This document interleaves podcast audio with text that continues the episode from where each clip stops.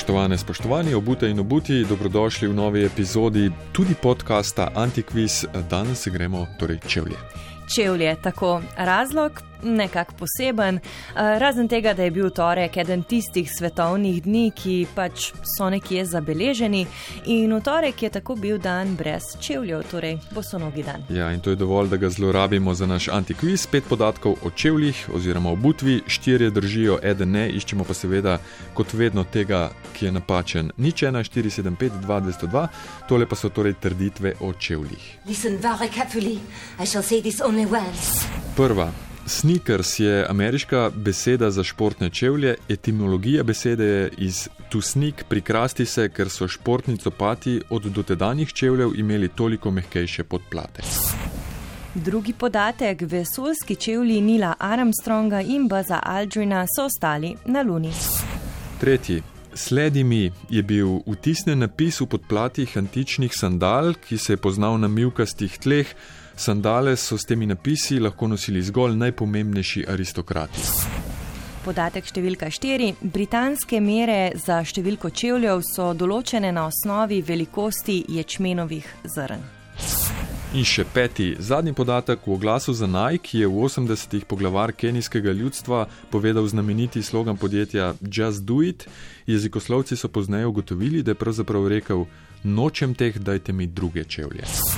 Nič 1, 4, 7, 5, 2, 202, kateri od teh petih podatkov je izmišljen.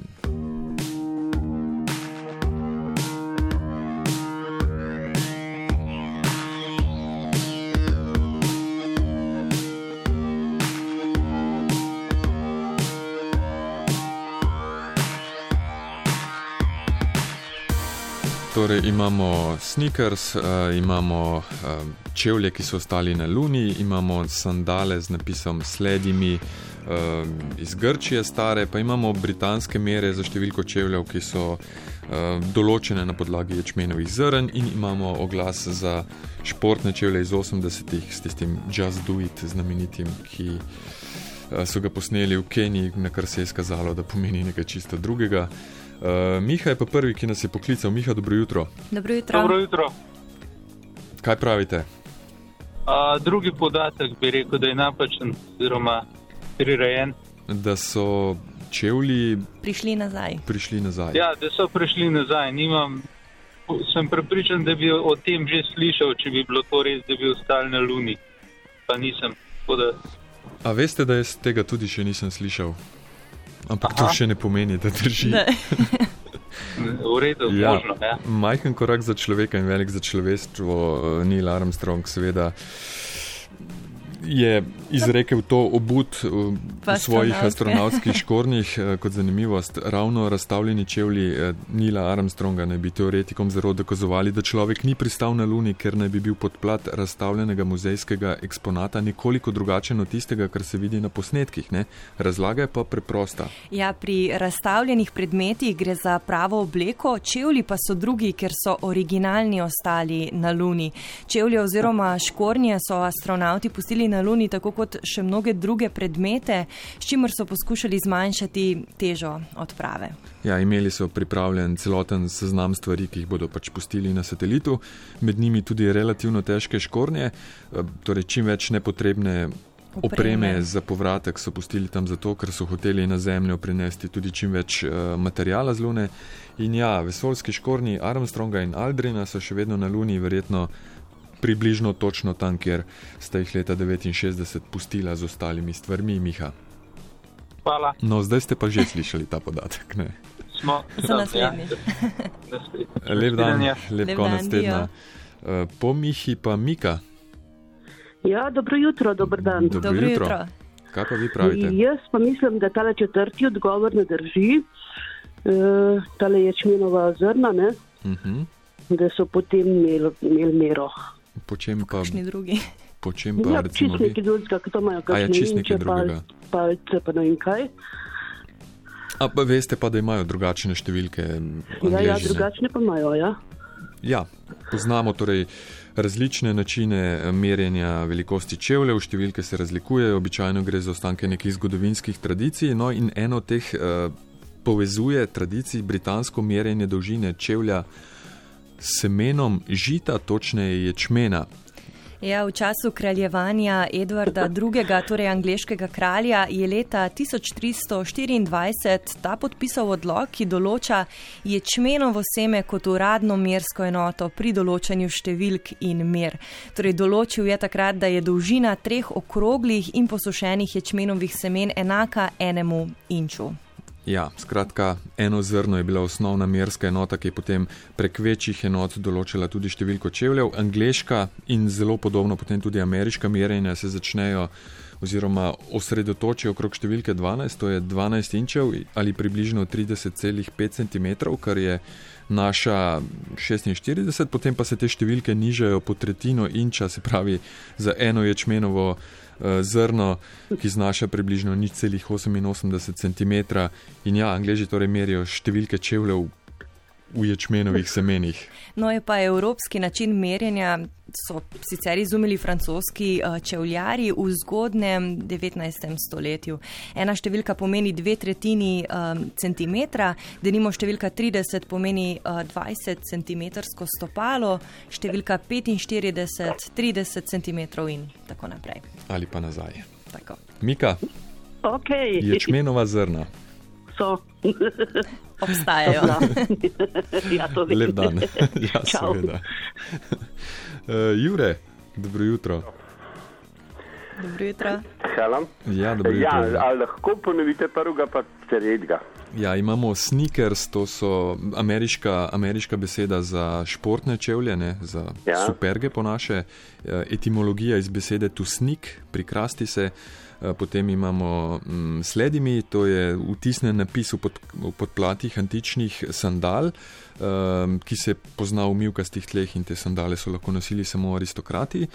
Pa imamo oglas za Nike v 80-ih, um, ko so uporabili uh, nekega kenijskega poglavarja. ja, just do it.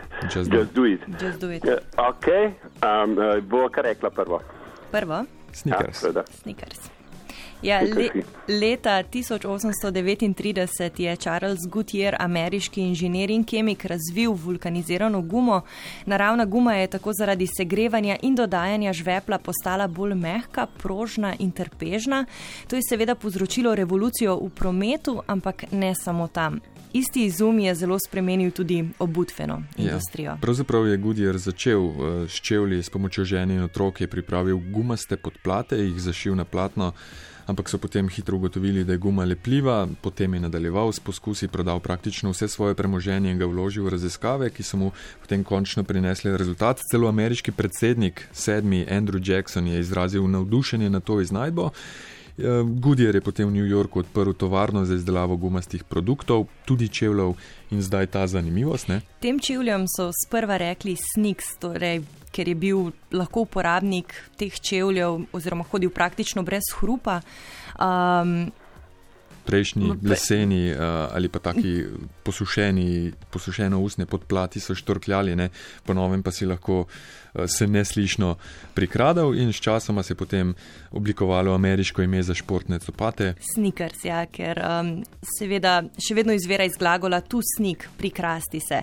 In um, Potihoma potihoma se približati, Tako, ja. ja. Besedo so sicer prvič opisali leta 1887 v Boston uh, Journal. Sniks je bila beseda, so zapisali beseda, ki jo fantje uporabljajo za teniške čevlje, ki so zaradi gumastega podplata v primerjavi s starimi lesenimi um, veliko tiši ob stiku s tlemi. Jure, Ja, sorry, ne, vsaki ni, luknji. nič hudega. Nič Ja, da hudega. sem pa enemu pomagal, ne, se pa jaz samo še v panki so pa. V panki, ja. M- Morda ste pomagali Otmarju, Jure. Lep dan. Ok, v redu. Lep dan. Lep dan. Uh, Otmar, Ja, zdravo. pozdravljeni. Ja, več reče, kot pameti, pravijo. ne. Ja, ni še rečeno, še 50-50 imate. Kaj imate, kaj, kaj zdaj še Uh, ostalo? sledime, to so ti sandali antični, ki, ki so imeli napis sledime in so jih lahko nosili uh, samo Aristokrati, ja. aristokrati ali pa ta Oglas Nike. oglas za Nike. To so nahecali enega poglavarja v Keniji, da je rekel: do bi rekel, jaz kar za Nike. Pa kaj bo bo? Ja. Ja, gre za relativno kar znano zgodbo. No. Pri Najku so se v 80-ih odločili, da bodo v svojem oglasu uporabili kenijsko ljudstvo Samburu, sicer zaradi barvitosti svojih oblačil, kar priljubljeno v popularni kulturi. So bližnji etnični sorodniki Masajev, govorijo tudi podoben jezik enega iz skupine. Ma. Ja, to je nilo-saharski jezik, 22 jih je, govori jih kakih 1,5 milijona ljudi. No, ameriška firma je torej odšla v Kenijo in tam posnela spot. Enega od lokalnih poglavarjev so obuli v nove najkice in ga prosili, naj pove v svojem jeziku njihov slogan Just do it. Um, ta možakar jih je potem nekaj uh, časa gledal in jim nekaj povedal ne? in postal del oglasa za to športno opremo. No, potem je pa čez nekaj časa se oglasil, um, ko je videl to reklamo, antropolog Lee Kronk, ki je raziskoval tisti del Afrike in Nike je opozoril, da možakar pravzaprav ne reče. Naredite to ali kaj podobnega, ampak da je povedal: Ampak Nočem to, ja. Nočem teh, dajte mi uh, velike čevlje. No, v odgovoru je potem Nike razložil, da so nekoliko improvizirali in hkrati priznal, da so vedeli, da najbrž ni rekel njihovega slogana, ampak so vseeno mislili, da v Ja, ZDA jim prav pride vse. nihče ne govori tega jezika in nihče ne bo te improvizacije sploh opazil. Ja, kar Ok. okay. naivno. Otmar, lep vikend. Več, več sreče prihodnič, pravijo. ne? Ja, recimo. Ok, srečno odijo. E, še dodatek, um, gotovo poznate film Bela Masajka, ko, je, ko se je bila polta švicarka zaljubil v Masaja, no tudi tam niso nastopali Masaji, ampak predstavniki ljudstva Samburu, ampak kaj bi komplicirali, se gre samo za milijon in pol ljudi tam nekje v, V Afriki. Afriki. Ne? Ja. Lucija, Ja, dobro jutro, dober dan. Dobro jutro. tukaj mi piše, da ste že od začetka vedeli, da je eh, pravilen odgovor oziroma napačen številka 3. Zakaj? Jaz sem že povedala v režiji, tako da ne moram reči, da zaigram na preostal odgovor. A morda veste zakaj? Oziroma, kaj je narobe? Ne, v bistvu sem šla po, po nekem občutku, prav zdi se zelo nerealistično, da bi nekaj takšnega pisala na antičnem čevlju. Ha, ja, se ponovadi je tako, da um, človek ima neko intuicijo, ki potem mu da pravi odgovor, uh, kako pa do razlage oziroma do te intuicije prideš, je pa, je pa druga zgodba. Ne? Tudi pri tej je enako, ker sandale so obstajale in imele so ta napis, ampak po vrsti Nina.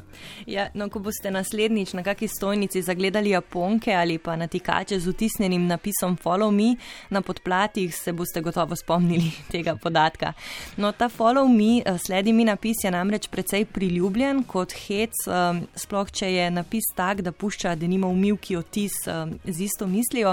In ta šaljivost napisa postane še bolj šaljiva, če vemo, da gre pravzaprav za zgodovinski napis, zgodovinsko resnico. Ja, na svojih sandalih so ga imele utisnjenega, pravzaprav je bil izbočen, eh, da je puščal odtis folomine antične grške prostitutke, sledime oziroma Akalojtej je bil neke vrste oglas za morebitne nove stranke, ki je za dekleti ostajal v prahu tudi na ulici, um, hkrati pa je bil tudi neke vrste sporočilo, za koga gre, ne, torej za um, prostitutke.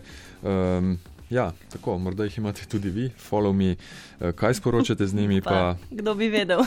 ja. Lucija, čestitke, pustite Hvala. podatke uh, pri Jrneju režiji, verjetno vam pošljemo majico, ker uh, natikačev oziroma Nimamo japonk še. oziroma uh, Follow me. follow me um, teh sandal. Še Nimamo nimamo. še. Ja. V redu, najlepša hvala. Lep dan. Lep dan. Lep dan, adijo.